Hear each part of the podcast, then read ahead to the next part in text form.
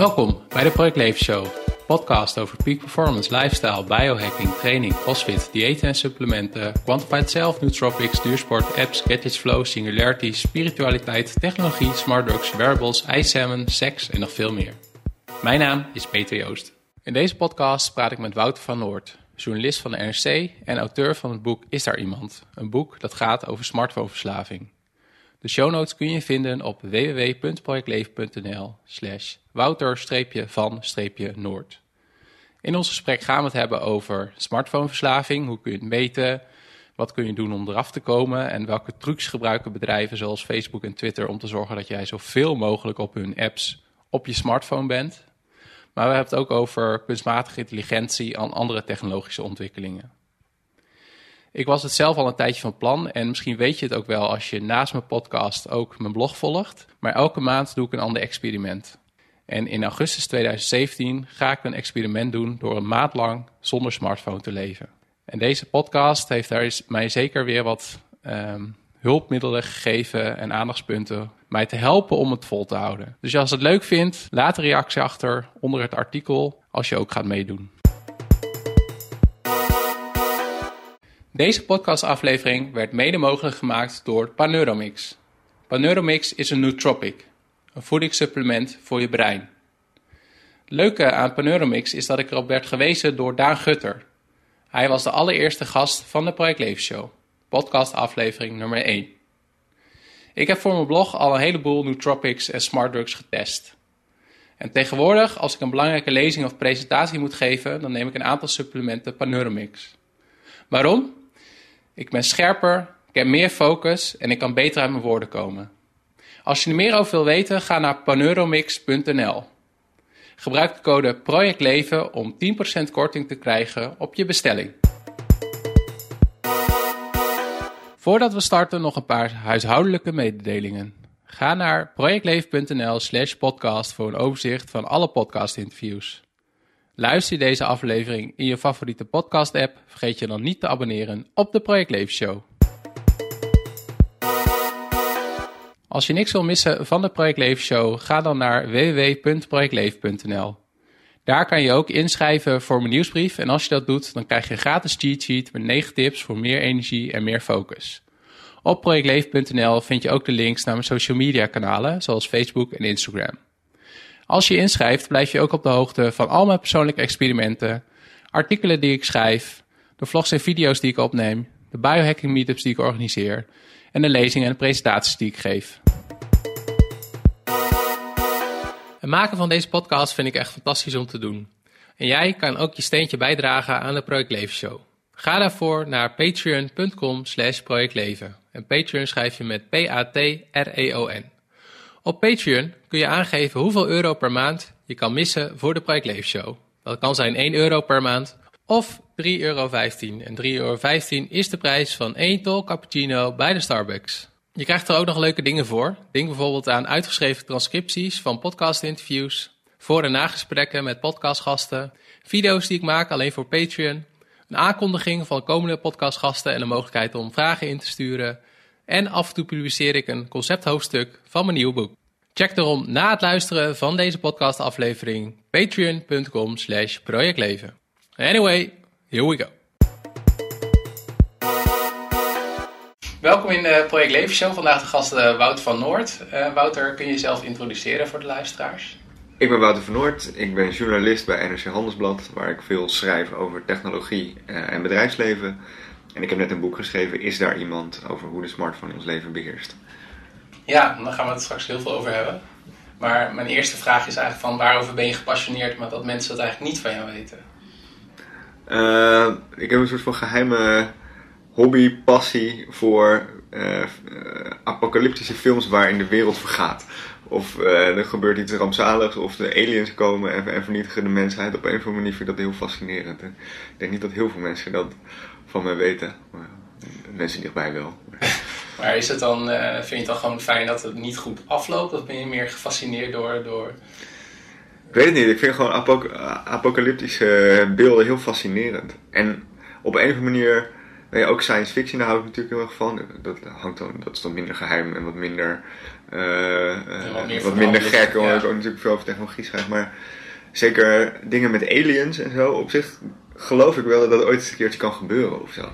Dus dat maakt het voor mij best wel fascinerend. En uh, ik ga ook wel mee met uh, bepaalde wetenschappers, zoals Stephen Hawking, die uh, van mening zijn dat contact krijgen met aliens helemaal niet zo'n heel goed idee hoeft te zijn. Omdat als die veel geavanceerder zijn, nou ja, dan ben je misschien wel sneller de lul dan je zou willen. Ja, ja ik hoorde gisteren toevallig, of niet toevallig, podcast van Joe Rogan met Neil deGrasse Tyson. Ik weet niet of je hem kent. Ja, ja. Van de serie Cosmos. Dat is ook wel echt een aanrader. En die ging de hele uh, uitspraak van Stephen Hawking weer uh, analyseren. Dat hij inderdaad zegt van Stephen Hawking gaat er wel van uit. Wat, dat aliens hetzelfde type gedrag vertonen als wij. Omdat wij ook altijd de dieren uh, minder goed behandelen en slaven minder goed hebben behandeld. En nou, dat vond ik wel interessant. Ja, nou, nu, gaat het misschien wel heel, heel ver door, maar het hangt natuurlijk heel erg af van zo'n uh, potentiële buitenaardse planeet, hoe dat leven daar eruit ziet. Ja. Als dat gewoon door middel van een vergelijkbare evolutie tot stand komt als hier, dan is agressie toch wel een pluspuntje om te hebben vaak. Ja. Dus uh, als, die, als eventuele buitenaardse wezens in zo'n omgeving zijn geëvolueerd, ligt het misschien voor de hand dat ze ook best wel agressief kunnen zijn. Ja, ja. Dus dat, dat vind ik zo, daar, daar denk ik dan een beetje over na. En uh, dat vind ik leuk aan dat soort films. Omdat ik toch nog een soort van koppeling zie naar, hmm, misschien kan het wel echt een keer gebeuren. Ja, en om die vragen die stel ik normaal aan het einde, maar ik vind hem nu mooi om te stellen. Wat is dan je favoriete film? In die uh, categorie? In die categorie. Nou, ik vond, uh, hoe heet die film nou? Sowieso uh, Interstellar, maar dat is niet echt over aliens, maar wel over de verre toekomst van ruimtereizen. Uh, ik ben even de titel kwijt. Uh, Zo'n vrij recente film over de taal van aliens en hoe die dan oh, omschrijft. Oh, ja. Arrival heet die. Ja. ja. Voor een hele mooie film, ook omdat er mooie filosofische lagen in zitten. En het gaat ook over taal en een beetje over de motieven van, van zulke aliens die je bezoeken. En vooral over hoe mensen er dan mee omgaan. Wat er, wat er bij mensen gebeurt als er ineens uh, ruimteschepen boven de planeet hangen. Ja. ja, nee, dat is een, uh, die heb ik ook gezien. Een aanrader inderdaad, als je het leuk vindt. Ja. En heb je iets met de term uh, peak performance? Ehm, de term zelf niet per se. Ehm, ik geloof wel heel erg in bewustzijn van wat je kunt en wat je ook kunt doen om beter te presteren. Dus in die zin ben je pieper voor. Ik, ik probeer ook zelf altijd een beetje Engelse termen uh, te vermijden of zo. Dus met die termen op zich heb ik niet zoveel. Maar met de gedachte van uh, proberen je leven te optimaliseren en beter en efficiënter te maken. Dat lijkt me een zeker plan. Ja, en heb je een manier waarop, een voorbeeld van een manier waarop jij dat doet? Nou, een van de dingen waar ik wel heel erg in geloof is flow. Uh, dus de, de staat waarin je verkeert als je volledig geconcentreerd bent en uh, nou ja, eigenlijk alles om je heen lijkt weg te vallen. Je niet meer precies uh, voelt hoe lang uh, tijd precies duurt. En er is ook al veel onderzoek naar gedaan dat dat heel bevorderlijk is voor je levensgeluk als je veel in flow bent. Dus ik probeer wel op momenten expres omstandigheden te creëren dat ik in flow kom. weinig afleiding. dingen die ik heel leuk vind, bijvoorbeeld het schrijven van een stuk. dat kan heel erg aan bijdragen. dus als ik in een stille omgeving een mooi lang stuk ga zitten schrijven. Dat zijn de momenten waarop ik in flow kom en waar, waar ik ook echt wel merk dat ik uh, blijer ben en lekkerder in mijn vel zit dan daarvoor. Ja, en uh, ik ben wel benieuwd, want we nemen het gesprek op op de NRC uh, krantenredactie en online redactie. Ik denk dat het één redactie is. Ja.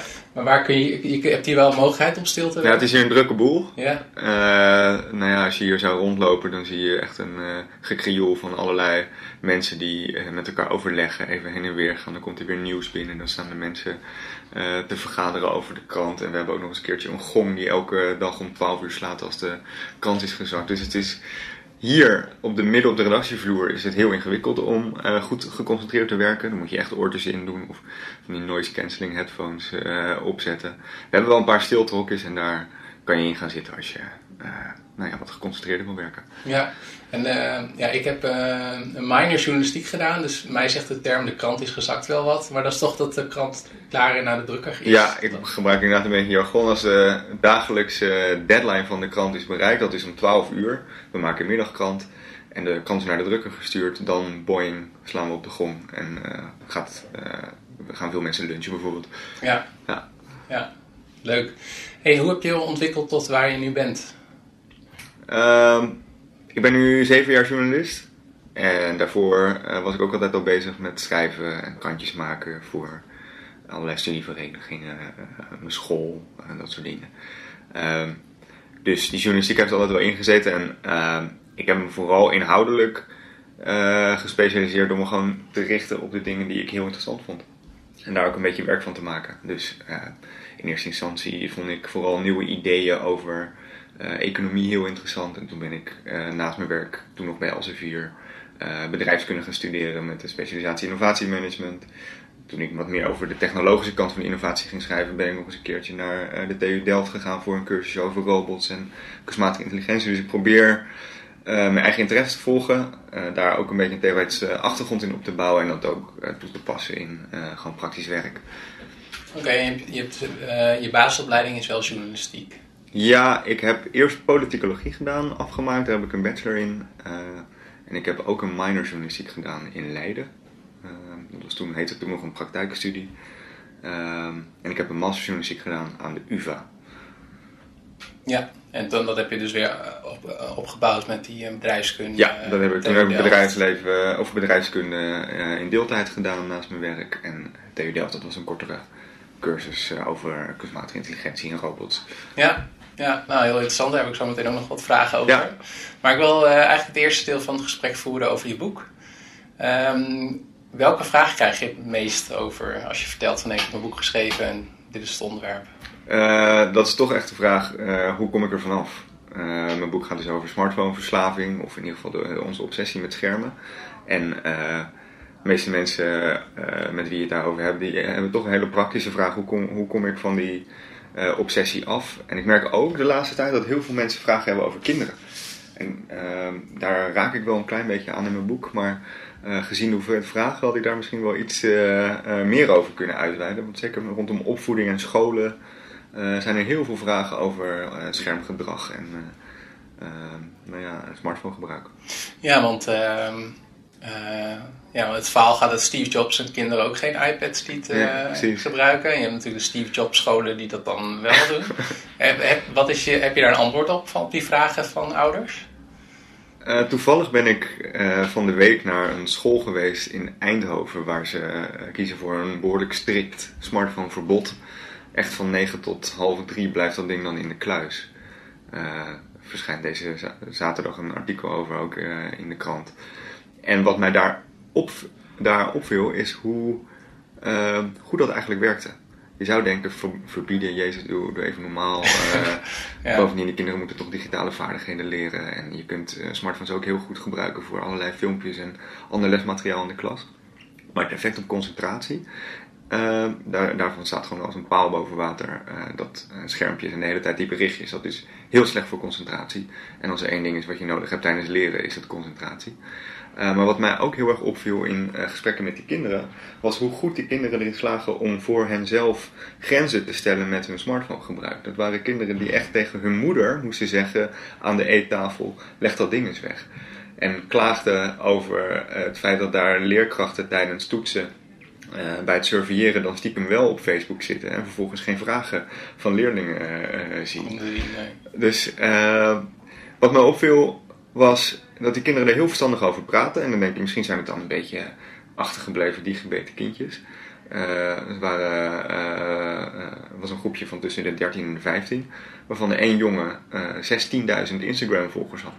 Dus het laat toch zien dat, ondanks dat er dus op school hele heldere regels en grenzen werden gesteld, dat de kinderen toch er wel in slaagden om mee te komen met, met die veranderende wereld. Ja, ja. Heel interessant. En die vraag van hoe kom ik er vanaf, stel voor dat we die even parkeren. Ik ben eigenlijk wel benieuwd eerst naar het probleem. Ben, je, ben jij bijvoorbeeld zelf verslaafd aan je smartphone? Of was je dat? Ja, verslaving als term vind ik dus een beetje problematisch. Ik weet niet of het een klinische verslaving is, maar ik ben zeker geobsedeerd. En ik ben in ieder geval een soort van slaaf van het apparaat. Dus in die zin kun je denk ik wel gewoon in spreektaal spreken over, over verslaving. En waar blijkt het bij mij uit? Nou, ik heb een appje geïnstalleerd om bij te houden hoeveel ik op dat ding zit. Welke is dat? Uh, Moment. Moment? Ja, dat is een heel handig appje waarmee je dus uh, precies je schermgedrag bijhoudt. Ook wat je er dan op doet. Uh, de, op veel dagen kom ik ruim boven de vier uur uit. Ehm, ik heb soms als ik hem niet eens bij me heb, voel ik hem toch trillen in mijn broekzak. ik word doodzenuwachtig aan het einde van een werkdag als ik in de trein zit en mijn batterij valt uit. Ehm, ik heb gewoon echt wel uh, uh, op momenten uh, meer dan ik zelf zou willen dat ding nodig. En ik kom er ook moeilijk van af. Ik merk dat ik, hoewel ik dus verloren net een boek over heb geschreven, waarin ook best wel wat schaduwkanten van het apparaat staan beschreven, dat het voor mij heel lastig is om hem gedisciplineerd weg te leggen. Er zitten blijkbaar allerlei mechanismes in die er toch voor zorgen dat jij terugkomt. En of het nou sociale mechanismen zijn of uh, misschien wat trucjes van technologiebedrijven om uh, jou expres terug te lokken. Of uh, nou ja, misschien gewoon bij mijzelf een beetje gebrek aan discipline of, of ruggengraat. Ehm, een samenspel van die dingen zorgt in ieder geval voor dat ik er veel meer op zit dan ik zou willen. Ja, ja. En die, want het boek gaat ook over die mechanismes en schaduwkanten. Was dat voor jou verrassend of had je het wel verwacht? Of hoe? Sommige schaduwkanten die weet je wel. Hè. Uh, dat het slecht is voor je concentratie om de hele tijd appjes binnen te krijgen. Dat is op zich wel logisch. Al wist ik zelf voordat ik het boek ging schrijven niet dat concentratie echt werkt als een spier. En als je de hele tijd uh, je laat afleiden, dan train je die spier niet. En raak je dus gewoon echt het vermogen kwijt om je nog echt ergens diep op te concentreren. Met alle gevolgen van dien.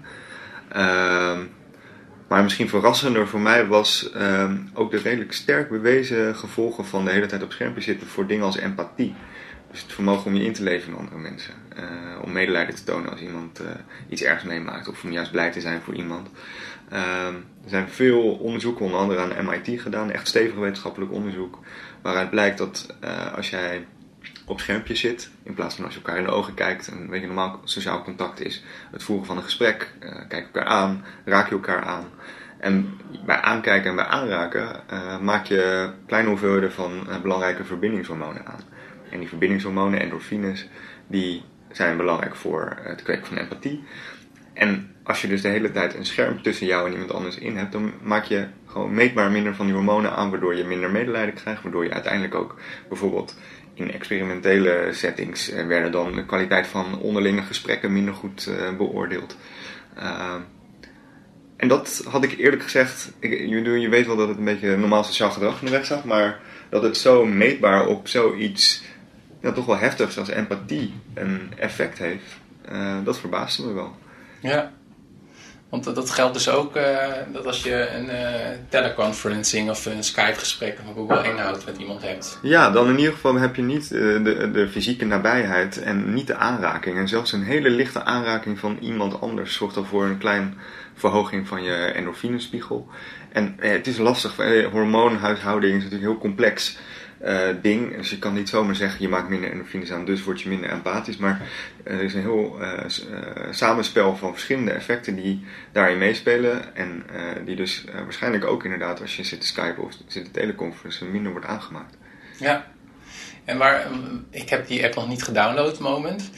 Um, en jij zegt net van ik zit gemiddeld vier uur. Ja, ja, sommige dagen kom ik uh, zelfs wel behoorlijk daarboven, dus vier ja. uur of zo. Ja. En nu zou ik denken van, oh nou, ik denk dat ik gemiddeld een uur of twee uur erop zit. Ja. En dan ben ik heel erg bang dat als ik die app download, dat. Nou, dat had ik ook. Ik had, ik had het voor mezelf iets hoger ingeschat dan jij. Ik dacht dat ik er een uurtje of twee, tweeënhalf op zat. Uh, nou ja, dat bleek dus uh, op, op, veel dagen richting de vier uur te gaan.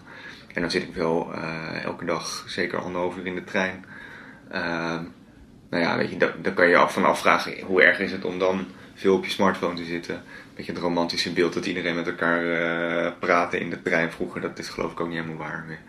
Uh, maar dan blijft er dus alsnog uh, voor mij een uur of tweeënhalf gewoon zuivere schermtijd tussendoor over. Dat is nogal wat. Dat is uh, meer dan een tiende van, van een dag. en het, het interessante aan dat smartphone gebruik is dat het heel erg inteert op je tijd. En tijd is iets wat je maar één keer kunt besteden. Eh, Tijd is een eindige hulpbron. Je hebt maar 24 uur per dag en het gaat niet meer worden. Het wordt nooit meer. Dus eh, het feit dat die obsessie met smartphones eh, vooral inteert op jouw tijd, betekent dat het per definitie ten koste moet gaan van iets. Ja, zoals kwaliteit. Ja, Nou dat nou, kijk, ja, ehm,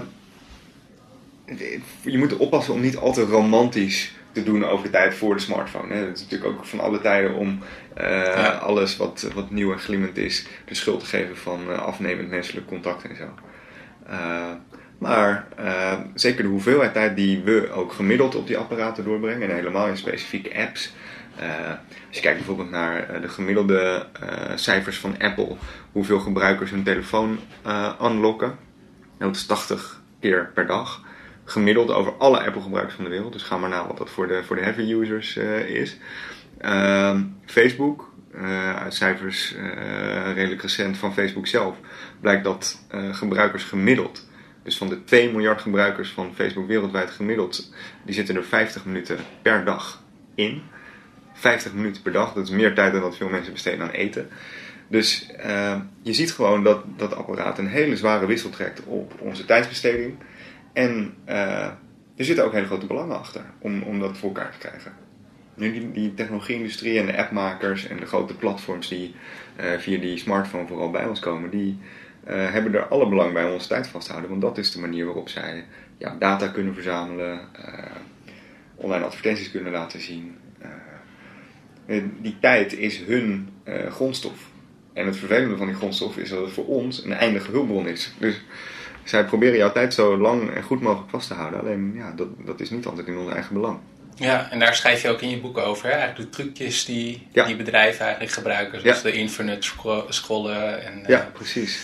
de, dat je af en toe eh, ja, likejes wil scoren en weet ik veel wat voor dingen. Ja, er zitten allerlei mechanismes in gebouwd. Je hebt natuurlijk die sociale mechanismes. eh, maar er gaat, er, er gaat heel veel eh, onderzoek achter schuil. Wat eh, vroeger ook in eh, Las Vegas uitgebreid is uitgevoerd in gokautomaten. Hoe eh, fabrikanten van die machines ook ervoor zorgden dat mensen de hele terugkwamen en zoveel mogelijk tijd besteden eraan. En die zie je gewoon terug in smartphones. Bijvoorbeeld inderdaad die infinite scroll. Dus het, het mechanisme dat je in je tijdlijn eindeloos kan blijven doorgaan. Eh, dat is gewoon een bewuste keuze. De, eh, Facebook of Twitter kan er ook ervoor kiezen. Net zoals veel eh, nieuwswebsites bijvoorbeeld doen. Is dat het op een gegeven moment ophoudt en dat je weer verder kan met iets. Maar ze kiezen ervoor om dat eindeloos te laten doorgaan. Ook omdat het een mechanisme is wat heel diep inspeelt op bepaalde psychologische... eh, Fear of missing out? Of, eh, nou, nee, wa- wa- waar dat interessant genoeg op terug te voeren is, je hebt een aantal verschillende beloningen eh, die technologiebedrijven gebruiken. En één daarvan is de beloning van de jacht. Eh, de beloning van de jacht is de beloning die mensen krijgen als ze eh, een prooi binnenslepen. En wat het interessante aan die beloning van de jacht is, is dat mensen niet alleen maar die beloning aanmaken in de vorm van een golfje dopamine, een gelukshormoon in hersenen, als ze die prooi daadwerkelijk binnenslepen, maar de belofte van die prooi binnenslepen is vaak al genoeg om dat beloningsmechanisme te triggeren. En dat zorgt ervoor dat eh, als jij eindeloos maar kan blijven doorgaan, heb, kan je eindeloos die belofte van de beloning eh, suggereren. Dan hoeft er niet eens elke keer eh, die prooi te zijn, hoeft niet eens elke keer raak te zijn, hoef je niet eens elke keer een beloning te krijgen in de vorm van een like of een interessante foto of een, toffe blogpost die je tegenkomt. Maar de belofte van de hele tijd die prooi kunnen binnenslepen, Ja. dat is al wat het doet. En ehm, een ander voorbeeld, wat ik wel eh, heel herkenbaar vind ook, is... eh, eh, mensen hebben ook intrinsieke beloningen. Dus neem bijvoorbeeld het streven naar orde. Als je je bureau opruimt, dan krijg je ook een golfje dopamine. Dan ben je blij, ik heb een schoon bureau. Kamer opgeruimd, hetzelfde verhaal. Werkt ook op het thuisscherm zo. En als jij je thuisscherm schoon en ordelijk hebt, dan krijg je een golfje dopamine. En die eh, techbedrijven die verstoren die orde met pushballonnetjes en andere cijfertjes die je weg wil werken. En dan doen ze ook nog eens een keertje in een eh, mooie rode alarmkleur, zodat het extra opvalt en je extra wordt teruggelokt naar dat ding. Dus, ze gebruiken allerlei mechanismes waar ook allerlei eh, heel stevig wetenschappelijk onderzoek achter zit. Doen ze ook helemaal niet geheimzinnig over. Houden ze in alle openheid congressen over eh, in Silicon Valley. Verschijnen boeken over. Ehm, dat is het interessante. Die bedrijven die doen dit in alle openheid. Ehm, en gebruiken daarvoor technieken die terug te voeren zijn op gokkasten. En ook een beetje vergelijkbaar gedrag veroorzaken. Echt obsessief, gewoontevormend uh, gedrag. Ehm, nou ja, dat, dat kost ons in ieder geval heel veel tijd. Ja, ja. En ehm, ja, ik heb daar ook eerder een podcastgesprek over gehad. Dat ook uh, iemand binnen de hele Quantified Zelfbeweging heeft daar ook een boek over geschreven of zo. Hoe godkasten je inderdaad uh, verslavend maken. Ja. En ik vind het wel fascinerend dat de bedrijven dat ook toepassen, of dat is hun goed recht. Maar dan breng ik me eigenlijk om een vraag van... ja, eigenlijk zijn we buiten ze ook gewoon evolutionaire principes uit. Gewoon dingen die al terug te voeren zijn op toen we nog op de savanne leven. Ja, zeker. Ja. maar dat zijn, het zijn hele diep ingebakken menselijke uh, eigenschappen en, en, en zwaktes in het brein en voorkeuren van het brein. En, uh, en dat, dat maakt het zo geraffineerd. Nee, mensen, het menselijk brein is ook gewoon heel erg gesteld op nieuwe informatie. En dat, dat, dat weten die bedrijven ook. Dus elke keer iets nieuws, elke keer uh, nieuwe impulsen. Dat is gewoon iets waar het menselijk brein super sterk op reageert. En dat is ook wel logisch. Uh, als jij op de Afrikaanse savanne zit waar jij het net over hebt en je ziet ineens een leeuw op een andere plek zitten. Dat is wel informatie die heel erg voorrang moet krijgen in jouw brein, wil jij overleven. Dus voor onze evolutie is nieuws en nieuwe informatie en interessant genoeg ook negatieve nieuwe informatie is super belangrijk. Dus daar zijn we heel erg op gespitst om dat zoveel mogelijk binnen te krijgen. Ja, ja. En um, hoe, uh, ja, de vraag die jij heel vaak krijgt, hoe kan, hoe kan ik mijn, want ik denk dat ik ook verslaafd ben, hoe kan ik dat verminderen? Je hebt uh, een aantal methodes daarvoor. Ik, ik ben wel gecharmeerd van de methode van een Australische psychologe, uh, Jocelyn Brewer. Die heeft het over de drie M's. Dus aan de ene kant heb je mindful, dan meaningful en vervolgens moderate. En dat klinkt een beetje zweveriger dan het is. Uh, mindful gaat erover dat je je bewust wordt van je gedrag op je smartphone. Daar kan bijvoorbeeld dat appje wat ik heb geïnstalleerd Moment bij helpen. Voor Android heb je de Android Usage Tracker. Om in ieder geval je bewust te worden van je gebruik en te zien hoeveel je precies op het apparaat zit. De tweede stap is meaningful. Dat je vervolgens gaat bedenken, oh, wat betekent het eigenlijk uh, dat ik die activiteiten doe? En doe ik het eigenlijk wel echt met een bepaald doel? bij mij leidde dat bijvoorbeeld toe dat ik zag, ik, zie, ik zit heel veel op Facebook vervolgens door die tweede stap van meaningful ging denken van joh, wat doe ik eigenlijk op Facebook? Uh, hou ik daar nou echt betekenisvolle contact aan over? Mis ik hele belangrijke dingen? Nou dan kom je tot de conclusie dat dat soms wel meevalt. En dan kom je bij de derde stap moderate en dan kan je gaan denken aan het aanmatigen van je eigen gedrag. En daar voor dat matigen zijn natuurlijk ook wel allerlei trucs. En wat, wat ik merk is dat het voor mij heel erg helpt om me af en toe gewoon echt af te zonderen van dat ding. Dus op uh, mijn slaapkamer is smartphonevrij gebied. Op zaterdag komt hij niet de lader uit. En op vakanties neem ik hem ook niet mee. dus heel, bewust als er momenten zijn waarop ik dat ding eigenlijk gewoon niet nodig heb. Dan zorg ik ook ervoor dat ik hem niet bij me heb. Ja, ja. ja ik heb zelf niet op de smartphone daar ervaring mee. Maar ik heb op mijn mijn Google Chrome, op mijn, op mijn uh, MacBook heb ik wel de app Newsfeed Eradicator. Misschien ken je die wel. Nee. Maar dat ga je naar, als je dan naar facebook.com gaat, dan heb je alle functies van Facebook, maar niet die timeline. Oh ja. En daar staat dan een, een, een of andere productieve quote van... Ja. Kun, je, je ook, goed. kun je ook zelf dingen Ja, maar daar geloof ik ook heel erg in. En dat is nu nog best wel in de kinderfase. Maar wat je nu eigenlijk een beetje mist op de smartphone is slimme filters. Zoals zo'n uh, tijdlijnfilter. Maar je, ik kan me bijvoorbeeld ook voorstellen dat je op je uh, smartphone kunt instellen tijdens werktijd geen Facebook. Of andersom, uh, als ik thuis ben, wil ik geen pushberichten van mijn werk-e-mail krijgen. Oh ja. Dat je met slimme filters dat voor elkaar krijgt, dat bestaat eigenlijk volgens mij nog niet echt. Je hebt wel programma's die je gewoon helemaal kunnen afsluiten van je smartphone. Freedom bijvoorbeeld, dan kan je, kan je bepaalde tijden instellen dat je er echt niet bij kunt. Om je tegen jezelf in bescherming te nemen. Dus dat, dat is een voorbeeld van een wat, dommer en, en, en ruiger filter, zeg maar. Maar slimme, contextgebonden filters, dat, daar zit ik eigenlijk wel zelf heel erg op te wachten. Ja, ja, ja ik heb het zelf, zonder dat ik wist dat... Uh, ik heb een mapje op mijn, uh, hoe zeg het? Een icoontjesmapje en daar staat op na vijf uur en daar zit mijn Instagram in. Ja. Het is in ieder geval een extra stap, maar ik betrap me er wel eens op dat ik het ook voor vijf uur doe.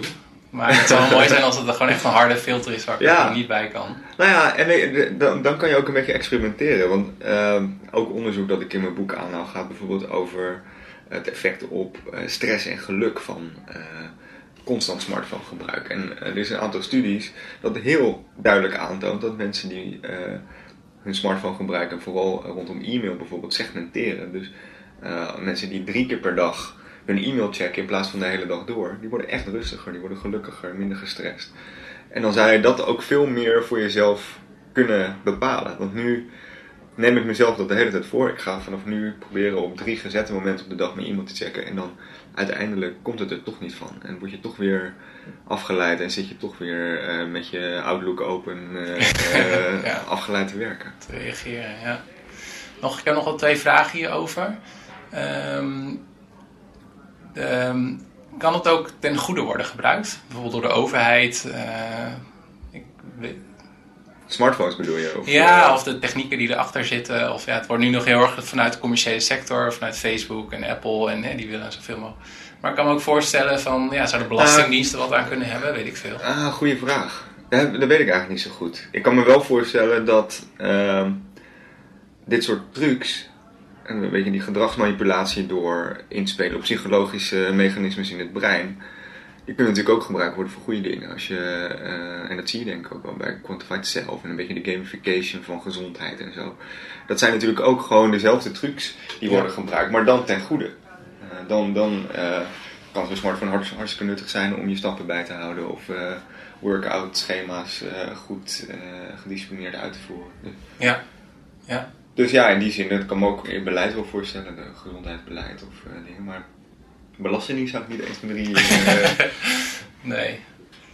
Nou, wie weet, als iemand van de Belastingdienst luistert, eh, ik kan met Wouter er een keer over sparren. Ehm, ik, een eh, laatste vraag hierover. Hoe kijk je dan, want ik was, denk ik in mei, was ik bij een lezing van Kevin Kelly in Eindhoven.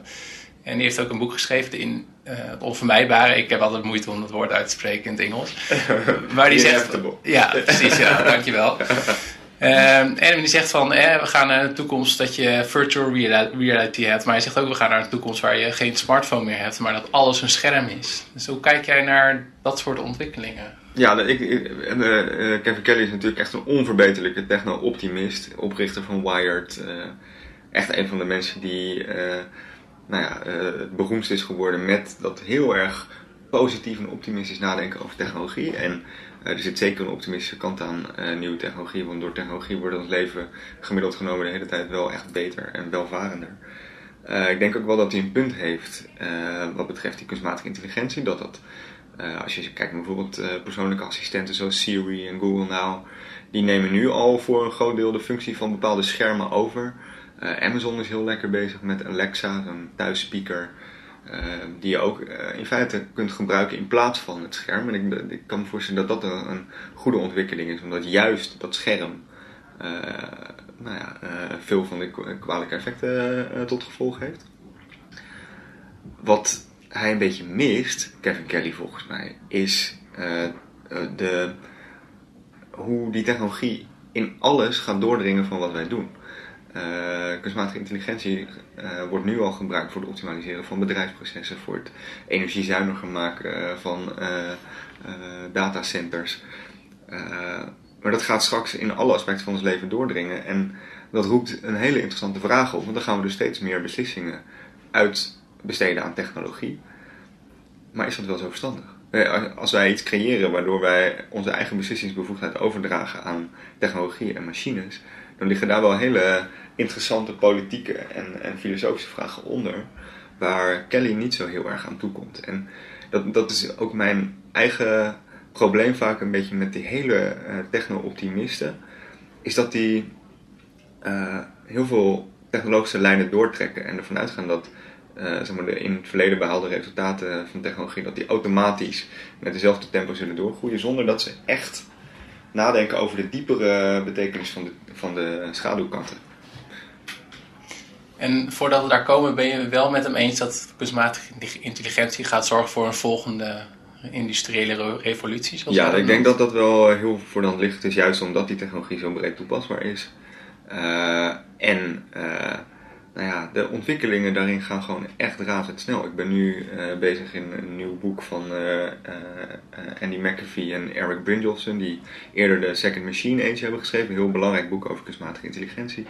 Die hebben nu Machine Platform Crowd geschreven, komt binnenkort uit. Heel interessant boek, waar ook zij weer aangeven hoe verbaasd zij zijn over de snelle ontwikkelingen in kunstmatige intelligentie. En zelfs vergeleken met hun laatste boek, dat geloof ik twee jaar geleden is verschenen uh, de kracht en de, en de breedte van die technologie. En zelfs op creatieve opdrachten. Dus bepaalde ontwerpfuncties. Uh, het ontwerpen van een, een, nog slimmere raceauto. Dingen waarvan zij ook dachten, daar heb je menselijke creativiteit voor nodig. En dat kunnen computers helemaal niet. Die kunnen goed opdrachten volgen. Maar niet zelf creatieve dingen bedenken. Dat kunnen computers en systemen op basis van kunstmatige intelligentie nu juist ook.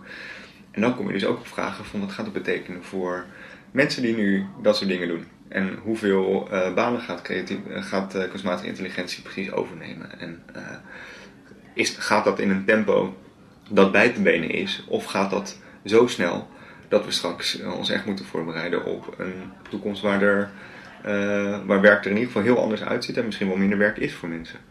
Ja, en hoe, ehm, hoe kijk jij daarnaar? Gaan we dan ook naar een basisinkomen toe? Of wordt het dan juist heel anarchistisch en, uh, en dystopisch? En nou, ik denk, wel, ik denk wel dat we echt voor een tweesprong staan uh, wat betreft technologie. Uh, dat als we niet nu heel snel gaan nadenken over de implicaties van supermenselijke kunstmatige intelligentie, hele machtige internetplatforms, dus een andere, andere factor die heel, heel belangrijk is bedrijven als Google, Facebook, Apple die hebben nu een hele grote positie op die smartphone en die kunnen die heel makkelijk uitbouwen naar kunstmatige intelligentie. Want wat is nodig voor kunstmatige intelligentie? Data. En daar zijn die bedrijven nu super groot in. Dus je creëert en een technologie die uh, heel veel gaat betekenen voor het dagelijks leven en die economische structuren echt op zijn kop kan zetten.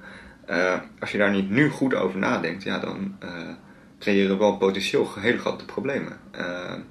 Het kan ook goed aflopen. En als je, je hebt natuurlijk ook projecten om uh, kunstmatige intelligentie open source te maken. Elon Musk is daar bijvoorbeeld uh, vrij actief mee bezig. Uh, en de grote bedrijven zoals Microsoft, Google en Apple, die zijn ook bezig om ethische standaarden te ontwikkelen voor die technologie. Dus er, er zijn hoopgevende bewegingen, maar om dat nou allemaal over te laten aan Silicon Valley, dat zou ik toch wel vrij riskant vinden. Ja, ja. Ik heb uh, zelf een, dat vond ik heel erg leuk, want ik werd, werd gevraagd door een filmtheater in Arnhem om een introductie te geven op een science fiction avond met drie films over kunstmatige intelligentie. Gaaf, ja. Dat was uh, Ex Machina en um, Ghost in the Shell en nog eentje. En uh, toen vertelde ik ook het verhaal, en volgens mij kwam het ook uit het boek van Kevin Kelly, dus ik moet hem wel de credits geven, dat hij had een gesprek met een van die oprichters van Google, echt negen jaar geleden of zo. En dat ze toen al zeiden van ja, we zitten helemaal niet in de search business. We zitten eigenlijk al in de kunstmatige intelligentie business. Want dat is wel opvallend, want ik was in, uh, wat was het, januari was ik in Davos op het World Economic Forum, waar, uh, nou ja, er lopen allemaal uh, grote CEO's rond en wereldleiders. En Sergey Brin, een van de oprichters van Google, was daar ook aanwezig in een forum. En die, zeide, die zei juist dat hij tot een jaar of twee, drie geleden kunstmatige intelligentie fundamenteel heeft onderschat. Ook hij, terwijl hij met zijn neus bovenop zat en inderdaad alle ontwikkelcapaciteit had die hij maar kon bedenken, dat hij pas sinds een jaar of drie echt weer in ging geloven door onder andere uh, zelfrijdende auto's die op basis van kunstmatige intelligentie echt heel goed uh, functioneren ineens. En uh, nou ja, toen ging denken van, oh, dit is eigenlijk wel een technologie die beloftes wel gaat waarmaken, want je hebt al een aantal van die uh, AI-winters gehad, waarbij eerst de, op, de, verwachtingen heel hoog werden opgeklopt en daarna toch allemaal veel ingewikkelder bleek te zijn. En hij zei juist, uh, volgens mij uh, heb ik me door die AI-winters een beetje laten misleiden. En gaan we nu een AI-revolutie tegemoet, die zelfs ik tijd geleden echt niet zag aankomen. Hmm, ja, ja. Dus, ja. Ik zou een boek nog even nalezen hoor, misschien heb ik het helemaal verkeerd. Zijn er trouwens, eh, denk jij eh, dat uh, kunstmatige intelligentie de mensheid gaat vernietigen? Nee, dat denk ik niet. ondanks mijn fascinatie voor dat soort scenario's. uh, er moet er wel heel erg veel nog gebeuren daarvoor. Ehm, en wat denk ik ook uh, daarin een punt is: vernietigen. Waarom zou een technologie ons vernietigen? Dan projecteer je dus blijkbaar een soort van menselijk gedrag op een technologie die dat niet is. Mhm. Eh, om, om iets te vernietigen eh, heb je agressie nodig. En om agressie nodig te hebben, of om agressie te hebben, heb je eh, hormonen als testosteron nodig. Nou, ik heb nog geen computer gezien die testosteron aanmaakt. Eh, eh, Er zijn ook hele slimme mensen die zeggen: dit is een heel reëel risico en pas hiervoor op. Ehm, dus eh, het het is zeker niet uit te vlakken, maar juist omdat dit soort apocalyptische scenario's ook heel aantrekkelijk is en dat mensen dat ook gewoon diep van binnen ergens wel interessant vinden. Ik ben er denk ik niet helemaal alleen in gezien hoeveel Hollywoodfilms die daarover verschijnen. Ehm, is het ook de vraag hoe realistisch zo'n scenario nou echt, echt is. Ja, ik heb ook gelezen over een scenario eh, dat het niet zozeer is dat kunstmatige intelligentie ons vernietigt, maar meer dat er eh, landen en groepen met elkaar in een wapenwedloop komen. Ja. En dan die- dat daar nog wel eens Ja, en daar heb je inderdaad ook hele interessante gedachten over. eh, die ik ook aanstip in mijn boek, bijvoorbeeld van eh, een, een filosoof van Stanford, eh, Sam Harris. Die dit inderdaad zegt: eh, dat de natuur van die technologie, van bovenmenselijke kunstmatige intelligentie, is. De eerste partij die dat in handen krijgt, heeft zo'n enorm voordeel boven iedereen en alles. eh, dat je het eigenlijk een beetje zou moeten zien als de ontwikkeling van de atoombom. En eh, Sam Harris die pleit er dan bijvoorbeeld ook voor om een soort van Manhattan Project eh, te maken. Dat is het project wat de Amerikaanse overheid en de Britten uitvoerden voor de ontwikkeling van de atoombom. Maar dan voor het ontwikkelen van supermenselijke kunstmatige intelligentie. Omdat het strategische voordeel, als het bijvoorbeeld door China zou worden gedaan, en China is ook heel ver met kunstmatige intelligentie, eh, dan zijn we gewoon als Westen best wel eh, de sjaak. Ja, Dus wij, ik, ik geloof wel dat eh, supermenselijke kunstmatige intelligentie een, een mogelijkheid is. En ook als je de, de meest optimistische voorspelling daarover hoort, misschien ook nog wel terwijl wij leven. En dat roept dus wel allerlei vragen op van die maatschappelijke over de toekomst van werk, over menselijke autonomie en hoeveel beslissingsbevoegdheid sta je af aan, aan eh, apparaten en computers. Maar ook geopolitieke vragen van... eh, als een land als China eh, supermenselijke intelligentie heeft, wat doen ze er dan mee? Gaan ze dat voor de benefit of, van de hele mensheid inzetten? Of kiezen ze voor hun eigen hachje en om hun eh, macht en invloed en, en rijkdom te optimaliseren? ja, Ik, ik zou mijn hand er niet voor in het vuur steken. nee.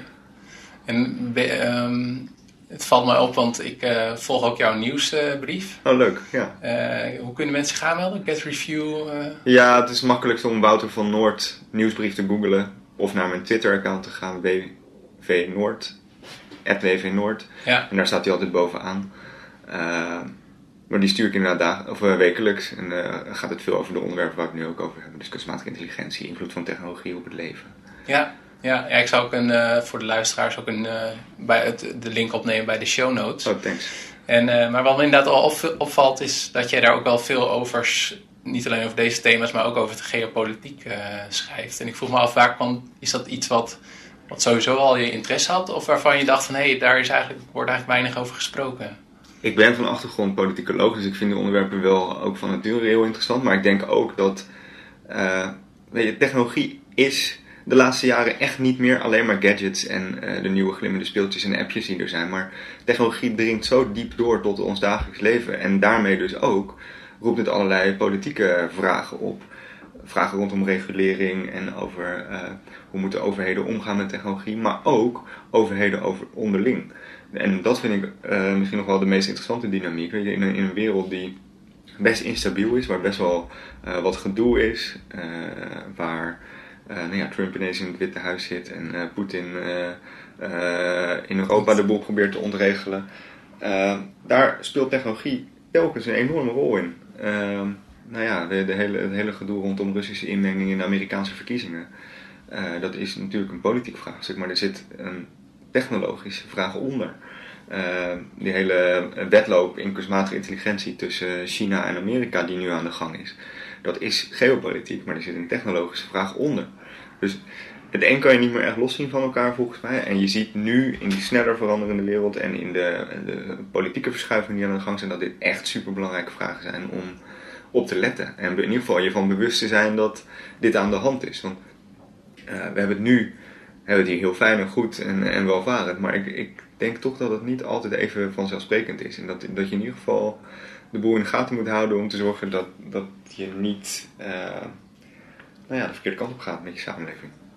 En uh, geldt dat in de wereld in algemeen? Of ik hoor jou ook zeggen van hè, China bokst tegen Amerika op en, uh, en Rusland doet dingen en in Europa blijft een beetje achter. Of zie je dat? Ja, dat, dat, dat, dat lijkt me zeker. Uh, ook in Davos was er iemand die een heel leuk grapje maakte. Uh, in Amerika innoveren ze, in China kopiëren ze en in Europa reguleren ze. De, Europa is de hele tijd een beetje een achterhoedegevecht aan het voeren uh, tegen de dingen die in eerste instantie in Amerika worden bedacht en dan in China uh, worden gekopieerd, soms beter worden gekopieerd. Uh, nou ja, en vooral die machtsstrijd tussen Amerika en China, uh, waar technologie dus een hele grote belangrijke rol in speelt, vind ik super interessant. Omdat je hebt heel veel interessante boeken de laatste tijd ook over maar de overdracht van wereldmacht, hoe dat dan in het verleden is gegaan. Dat lijkt nu toch een beetje aan de, aan de gang te zijn van Amerika naar, naar China op allerlei niveaus. Er zijn een voortrekker in globalisering geworden in China. Ze uh, worden technologisch steeds geavanceerder. Er zijn natuurlijk sowieso al veel meer mensen. De economie is inmiddels groter dan die van Amerika. Dus je hebt een overdracht van macht, die is, die is langzaam maar zeker, of heel snel en zeker, is die zich aan het voltrekken. En als je naar de geschiedenis kijkt, is die overdracht van wereldmacht zelden vreedzaam verlopen. Dat levert altijd spanningen op en belangen die botsen. En uh, nou ja, daar komen, daar komen niet heel vaak hele mooie dingen uit. Dus en als technologie daar ook nog een, een, hele belangrijke rol uh, in speelt, dan levert dat wel interessante vraagstukken op. Waar ik dus ook graag me in verdiep en over schrijf. Ja, ja. Want ik had er laatst, uh, was ik uitgenodigd voor een bijeenkomst van het ministerie van Veiligheid en Justitie. En daar ging het ook over van, stel je voor dat je aan je uh, Huawei of je Samsung telefoon aan Siri vraagt als je last hebt van een bepaalde aandoening of zo dan, ja, dan vraag je dat aan Siri. Dat zit in, op Amerikaanse uh, grondgebied bij wijze van. En je, ja, Samsung die registreert ook wat. Dus er wordt ook al gesproken over datahacken om Europa en dat soort dingen. Ja. Um, ja, ik heb daar geen vraag, maar het is mega interessant. Ja, maar dat zijn, dat zijn precies het soort vragen, dat is precies het soort vragen wat ik dus ook heel boeiend vind. Want, hoe ga je dan als uh, Nederland mee om? Hoe ga je daar als Europa mee om? Kun je daar wel uh, echt iets mee doen? Kun je daar iets tegen doen? Is het uh, redelijk om uh, alle data binnen Europa te houden? En hoe controleer je dat? hoe werkt het met de algoritmes die dan vervolgens wel in Europese datacenters kunnen kijken om diensten te optimaliseren van, van techbedrijven bijvoorbeeld? interessante technische vragen, maar vooral interessante maatschappelijke en ethische vragen. Van hoe ga je hiermee om en hoe zorg je ervoor dat die technologie wel echt blijft zorgen voor vooruitgang en niet zorgt voor potentiële problemen. Ja, en ik heb in mijn podcast heel veel gasten over training en gezondheid, maar ook wel een aantal technologiedenkers. Martijn Aslander, Juwen van Geest, Brennan de Winter heb ik allemaal gesproken. En ik ben wel benieuwd van, uh, toch, wat, alles wat jij aanstipt is echt mega belangrijk. Maar het komt toch weinig in de main, in, in algemeen, of wordt het wel, meer? Ja, nou ja, je kunt af en toe NRC lezen. Daar staan natuurlijk wel stukken van mij. En uh, we hebben Maxime Februari, een hele goede uh, columnist die veel over dit onderwerpen schrijft. Uh, Mark Heijn, nog wel een aantal collega's die ook wel, wel veel dit thema aanstippen. Maar ook bij ons merken we, het zijn ook thema's die door allerlei deelgebieden heen snijden. Eh, technologie, politiek, uh, sommige economie, economie uh, dingen als klimaatverandering hangt hier natuurlijk ook mee samen misschien. Dus veel organisaties, en daar zijn journalistieke organisaties geen uitzondering in, zijn nog best wel ingedeeld in ouderwetse kokers. We hebben een economieredactie, we hebben een cultuurredactie, we hebben een politieke redactie. terwijl eigenlijk de allerinteressantste vragen nu juist op die grensvlakken plaatsvinden. En het is soms best wel lastig om binnen eh, de kaders die, waar, waarmee je eh, nu moet werken, om dan een goede plek te vinden in de krant om dat te doen. En om eh, bepaalde onderwerpen die dus op die snijvlakken zitten en heel belangrijk zijn, ook op de goede manier te agenderen en, en groot te brengen in de krant. Ja. ja. dat, dat is een uitdaging, maar daar zijn we ook hier hard mee bezig om juist die problemen op te lossen. Omdat, nou ja, er zijn wel meer vraagstukken die door eh, de grenzen van traditionele katernen of deelredacties heen snijden. Ja. En die willen we ook wel goed verslaan. Ja, precies. Ja, een hele uitdaging. Ja. Wat zie jij, want kunstmatige intelligentie zeg je van nou dat is echt een hele grote ontwikkeling. Ik heb ook ehm, de, podcast gehad over bitcoin, blockchain, eh, Ja. quantum computing. Nou, je, hebt een, kan echt een hele bullshit bingo aan eh, termen. Ja, ja, zeker. Wat vind jij de meest overschatte technologie of de meest overschatte hype op dit moment, 2017? Dat is een hele goede vraag. Ehm, Ja, ik had hem ook niet van tevoren opgestuurd, maar ik bedacht hem net. ja, dat is, het is een goede vraag. Dat vind ik echt overgewaardeerd. Je mag gewoon nog even parkeren dan op het einde. Nou, deeleconomie, denk ik. Ik geloof wel dat er, dat er modellen zijn waarin je inderdaad eh, eh, dure goederen eh, beter eh, eh, en op- optimaler kunt gebruiken. Ehm, maar dat, de technologie is daar nog niet klaar voor. En nu zie je vooral dat die deeleconomie een, een manier is geworden voor eh, grote platformspelers om eh, heel erg eh, wat, wat economen rent-seeking gedrag te vertonen. Dus echt met monopolieachtige marktposities hele hoge commissies vragen, zonder dat ze eigenlijk nog heel veel innoveren. Dus deeleconomie als eh, een soort van nieuw econo- economisch paradigma, een nieuw, eh, nieuwe basismanier van denken over, over de wereld, dat, daar, daar geloof ik niet zo in. De- de- de- daar is die, de technologische basis gewoon nog niet rijp genoeg voor, denk ik. Nee, mogelijk kan blockchain daar wel dingen in doen. Nou ja, precies. Ja, kijk, eh, blockchain is natuurlijk ook omgeven met allerlei hype en nog heel experimenteel en onduidelijk wat daar nou precies mee kan. Maar het idee daarachter is natuurlijk superkrachtig dat je eh, allerlei diensten eh, decentraal kunt eh, uitvoeren en registreren en transacties decentraal in een door een netwerk gecontroleerd register kun, kunt doen. Ja, da- dat is zo krachtig. En dat, dat, dat zet hele ideeën over de noodzaak van misschien wel bedrijven als Google, Facebook, tot, tot notaris en advocaten aan toe helemaal onder druk. Dus dat, dat zou, als dat de belofte waarmaakt, eh zou een beetje een vergelijkbare technologie kunnen zijn als internet. Eh, een beetje vergelijkbare brede en diepe consequenties voor de manier waarop je de wereld organiseert. Dus ja, blockchain vind ik wel heel boeiend en interessant en eh, wel veelbelovend. Het is alleen een heel technisch onderwerp en dus Ja. ook best wel lastig te doorgronden wat er hype is en, Ja. en niet. Ja, Zeker voor, zeker voor niet technisch onderlegde mensen. ja precies. Ja. Ik heb nog een aantal eh, wat meer persoonlijke vragen aan je. Aan het einde van het gesprek. Wat is de grootste misvatting die er over jou heerst? Even kijken. Ja, dat ik eh, eh, mensen goed kan helpen met computerproblemen. dus hier op de redactie is het ook altijd raak als iemand eh, een Outlook-ding niet goed geïnstalleerd krijgt of Ja. gewoon een hardwareprobleem heeft, dan komen mensen naar mij toe. Maar ja, ik kan een beetje nadenken en, en kletsen over, over technologie, maar als je mij een groeve draaien geeft, dan snap ik helemaal niks van. Ja, ja wel een leuk voorbeeld. Ja. Wel leuk, ja. En eh, wat zie je als de grootste uitdaging waar je de komende tijd aan moet werken? Mag ook inhoudelijk zijn. Ja, nou dat is vooral denk ik een beetje op, op, op eh, eh, persoonlijk vlak en, en gaat over eh, eh, eh, wat jij dan noemt peak performance. Nee zeggen. Eh, ik, ik merk dat ik eh, heel erg geneigd ben om heel veel dingen op te pakken, heel veel ideeën tegelijk uit te willen werken. Eh, en daardoor een beetje verstrooid ben af en toe. Terwijl een beetje meer focus aanbrengen eh, is denk ik verstandiger. Eh, wat dieper werk voor, voor elkaar krijgen. Ook daar heb je hele interessante boeken over van Cal Newport, Deep Work en zo. Dat is een beetje het doel wat ik mezelf heb gesteld om wat meer de diepte in te kunnen gaan, geconcentreerd te werken. En daar hoort dus ook bij dingen afschermen en nee zeggen. Ja, ja. En misschien is er wel een app voor. Ja. Maar dan heb je Ja, een leuk filtertje. Ja. Ja. En hoe zien de eerste 60 minuten eruit als je eh, 's ochtends je ogen open doet? Nou, dan word ik eh, wakker naast mijn vriendin. Geef ik haar meestal een kus.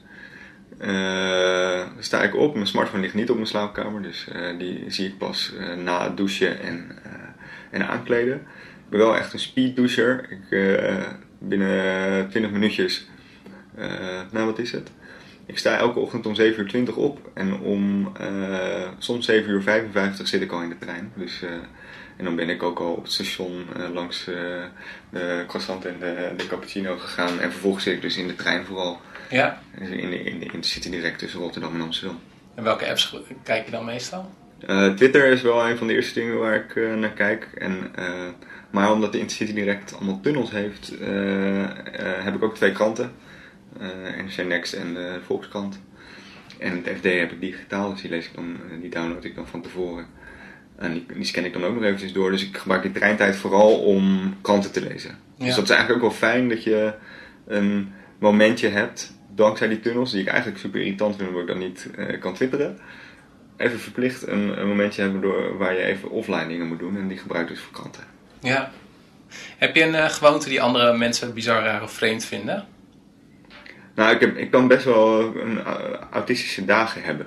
Dat ik gewoon echt mezelf heel moet afsluiten van uh, anderen. Ik kan gewoon heel goed, en dat heb ik ook bijna wel nodig, om één dag per week en dan wel echt een, goede middag of zo gewoon te lummelen. En een beetje, of het nou lezen is of een beetje filmpjes kijken. Ik heb echt dat nodig. En dat vindt mijn vriendin soms wel eens raar. Die, die, is super sociaal en die wil uh, elk, elk leeg moment vult zijn met vriendinnen en met, met sociale gebeurtenissen. Terwijl ik prima het vind om af en toe gewoon even lekker helemaal af te schermen. Ja, ja. Nee, dat herken ik wel hoor. Dat, af en toe heb ik dat ook gewoon nodig. Ja. ja. En ehm, wat wilde je worden toen je vroeger klein was? Ja, ik denk politicus ik was altijd wel heel erg bezig met de wereld en met nieuws en, en, en, politiek. En uh, ik heb heel lang gedacht dat ik ook wel gewoon politicus wilde worden, of de politiek in wilde, of iets met politiek wilde doen. Uh, maar het is uiteindelijk toch meer richting uh, het onderzoekende en het beschrijvende gegaan, in plaats van het. wel dat mij heel erg tegen is gaan staan aan de politiek, zijn de politieke spelletjes. Dat merk ik ook in eh, eh, bij mijn eigen organisatie. Ik hou daar echt niet van. En op het moment dat dat eh, begint te gebeuren, dan ben ik ook heel snel weg. Hm. Dus ik, ik ben gewoon, ik, ik, hou van inhoud, ik hou van onderzoeken, ik hou van dingen opschrijven en dat kunnen communiceren aan een mooi publiek. Ik hoop ook wel dat ik daarmee wat impact heb dat is voor mij ook wel belangrijk, dat de stukken die ik schrijf, dat die ook wel wat in gang zetten. En het denken van mensen en hopelijk dan het denken van mensen die wat beslissen over hoe, hoe we het hier in Nederland doen ook wel, wel veranderen. Maar dan wel vanuit de journalistieke rol en niet vanuit de actief uh, bestuurlijke rol. Ja, want toen je begon met je antwoord wou ik nog vragen van, nou, gaat het nog, nog een keer gebeuren? Want je bent nog jong. Nee, ik denk het niet. Nee, nee. Uh, ik denk dat ik veel meer uh, meerwaarde heb in, die, in deze discussie door uh, te werken voor media die goed worden gelezen door mensen die wat in de melk te brokkelen hebben. Omdat ik dat en leuker vind en beter kan. En dat past gewoon veel beter naar. Ja. En wat is je favoriete boek en waarom? Mijn favoriete recente boek is in ieder geval Homo Deus van Yuval Noah Harari. Prachtig boek van een Israëlische historicus die uh, eigenlijk gaat over de vraag waar we het net ook een beetje over hadden. Wat gebeurt er als mensen steeds meer autonomie afstaan aan technologie? Als ze steeds meer beslissingen overdragen aan computers. Wat, wat zijn daar de gevolgen van? Hij, hij, hij werkt dat heel mooi historisch en filosofisch uit. Een heel prettig, makkelijk leesbaar boek. waar allerlei super interessante vragen over toekomstige technologieën aan bod komen. Bijvoorbeeld ook dat is ook een technologie of een, een, beetje een beweging die je nu ook wel ziet op meerdere uh, onderzoeksvelden, is manieren waarop mensen echt beter worden. Echt supermensen uh, creëren, um, veel ouder kunnen worden, veel slimmer kunnen worden, betere baby's kunnen maken, betere genen krijgen. Wat gebeurt er als dat soort technieken door veel mensen worden gebruikt? Dan krijg je een soort van supermensen en de interessante vraag volgens mij is dan ook wat gebeurt er dan met de niet-supermensen? Hoe staan uh, de supermensen straks tegenover de ouderwetse niet geoptimaliseerde mensen? Ja. Hele interessante vragen. En daar, daar gaat hij heel mooi en diep en goed geschreven op in. Dus ik vind Homo Deus echt een aanrader. Ja, ik ben net, net inderdaad in het boek begonnen. Ik vind het wel leuk, want ook, uh, waar ik een tijdje geleden ook, en ik schrijf er nog steeds over, is dat hele longevity. Uh, ja, dat is geweldig. Ja, uh, ja. Inderdaad, van je, je lichaam zien als een auto waarin je dingen kan vervangen. Ja. En nou, echt fascinerend. En nou, filmdocumentaire hebben we al gehad. Of heb je nog andere die je zou... Buiten Nou, de we- categorie apocalyptisch. Ja. nou, wel een interessante film nog over eh, die technologische toekomst. En eh, wat, ik wel een, eh, een, wat ik wel een realistisch scenario vind, is het scenario van Her. Film over hoe eh, een man verliefd wordt op zijn. Dat was eh, nou trouwens de derde film, eh, nu je het zegt. Oh ja, dat was ook heel erg in ja. dat rijtje inderdaad. Ja. Ehm, en ik heb ook eh, toevallig een tijdje geleden een artikel geschreven waarvoor ik aan een aantal eh, prominente technologiehoogleraren in Nederland eh, heb gevraagd wat zijn, wat zijn nou eh, in jouw ogen realistische eh, scenario's voor de ontwikkeling van bepaalde technologieën. En Hur kwam een aantal keer ook terug, omdat die film gaat ook heel erg over hoe mensen vervolgens omgaan met die technologie. En hoe mensen dingen projecteren op die technologie. En hoe mensen dus ook verliefd kunnen worden op die technologie. En dat is ook wel iets wat je volgens mij. Dat is natuurlijk ook een beetje het thema van mijn boek. De obsessie, de, de bijna verliefdheidachtige relatie die we hebben met eh, smartphones nu. En misschien wel straks met, met digitale assistenten of eh, hele geavanceerde kunstmatige intelligentie. Eh, ja, dat vind ik heel boeiend. En weet- Her is gewoon ook een goed verhaal. Eh, een sexy stem van eh, Scarlett Johansson.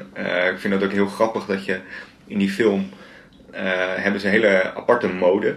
Die een beetje retro-achtig aandoet. Wat ook volgens mij heel realistisch is. Want daar ook natuurlijk die trend zich steeds herhalen. Dus het is een heel goede, goed gemaakte film. Een, een vrij realistisch scenario. Met grappige details. Ja, ja. En je noemde in het voorgesprek dat je niet echt een podcastluisteraar bent. Heb je wel een favoriete, dat mag ook een website of blog zijn? Ja, ik ben heel erg fan van Wait But Why. Van eh, Tim Urban. Ja, Eh, gaat ook vaak over technologische onderwerpen. Werkt onderwerpen echt heel diep en lang uit. Eigenlijk wel een beetje vergelijkbaar. Ik kan me voorstellen dat jij je ook wel een beetje eh, laat inspireren eh. Ja. Want ik zag jouw blogs, die zijn ook wel een beetje zo opgebouwd dat je heel rustig een on- onderwerp opbouwt en veel voorziet van filmpjes en eh, grafieken. En, eh, en, en hij doet dat nog met eh, hele grappige illustratietjes. En, het helpt ook dat hij ook mensen als Elon Musk zomaar aan de lijn krijgt die, die nou ja, vragen stelt over zijn Marsmissie. En,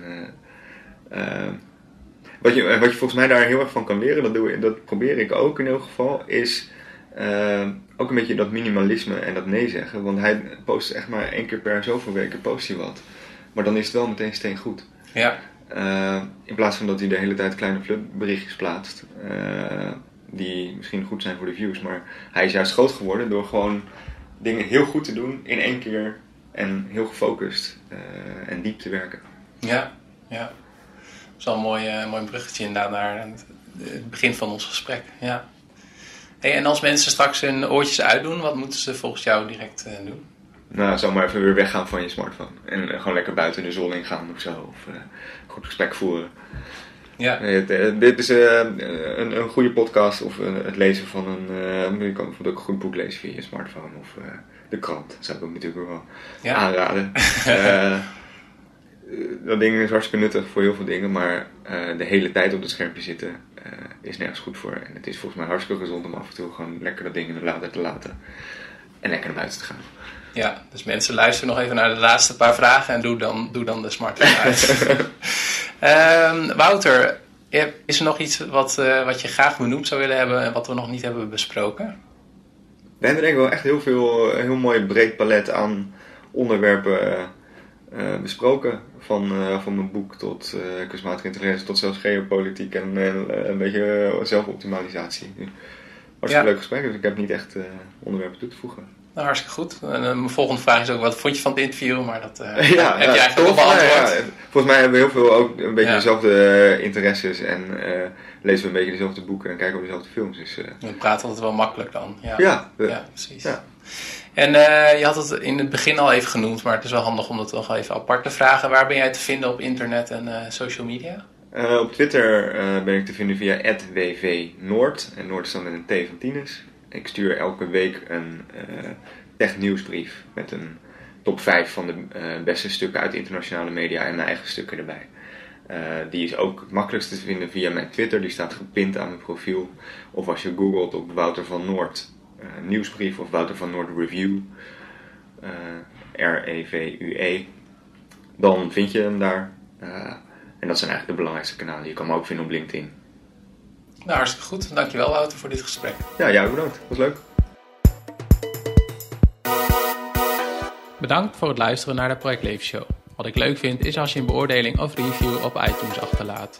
Je kan mij ook een e-mail sturen op peter.projectleven.nl Ga naar patreon.com slash projectleven om de podcast te steunen en om toegang te krijgen tot alle uitgeschreven transcripts van de interviews, audio-opnames van voor- en nagesprekken met de gasten, mogelijkheid om vragen te stellen aan komende gasten en exclusieve concepthoofdstukken van mijn nieuwe boek.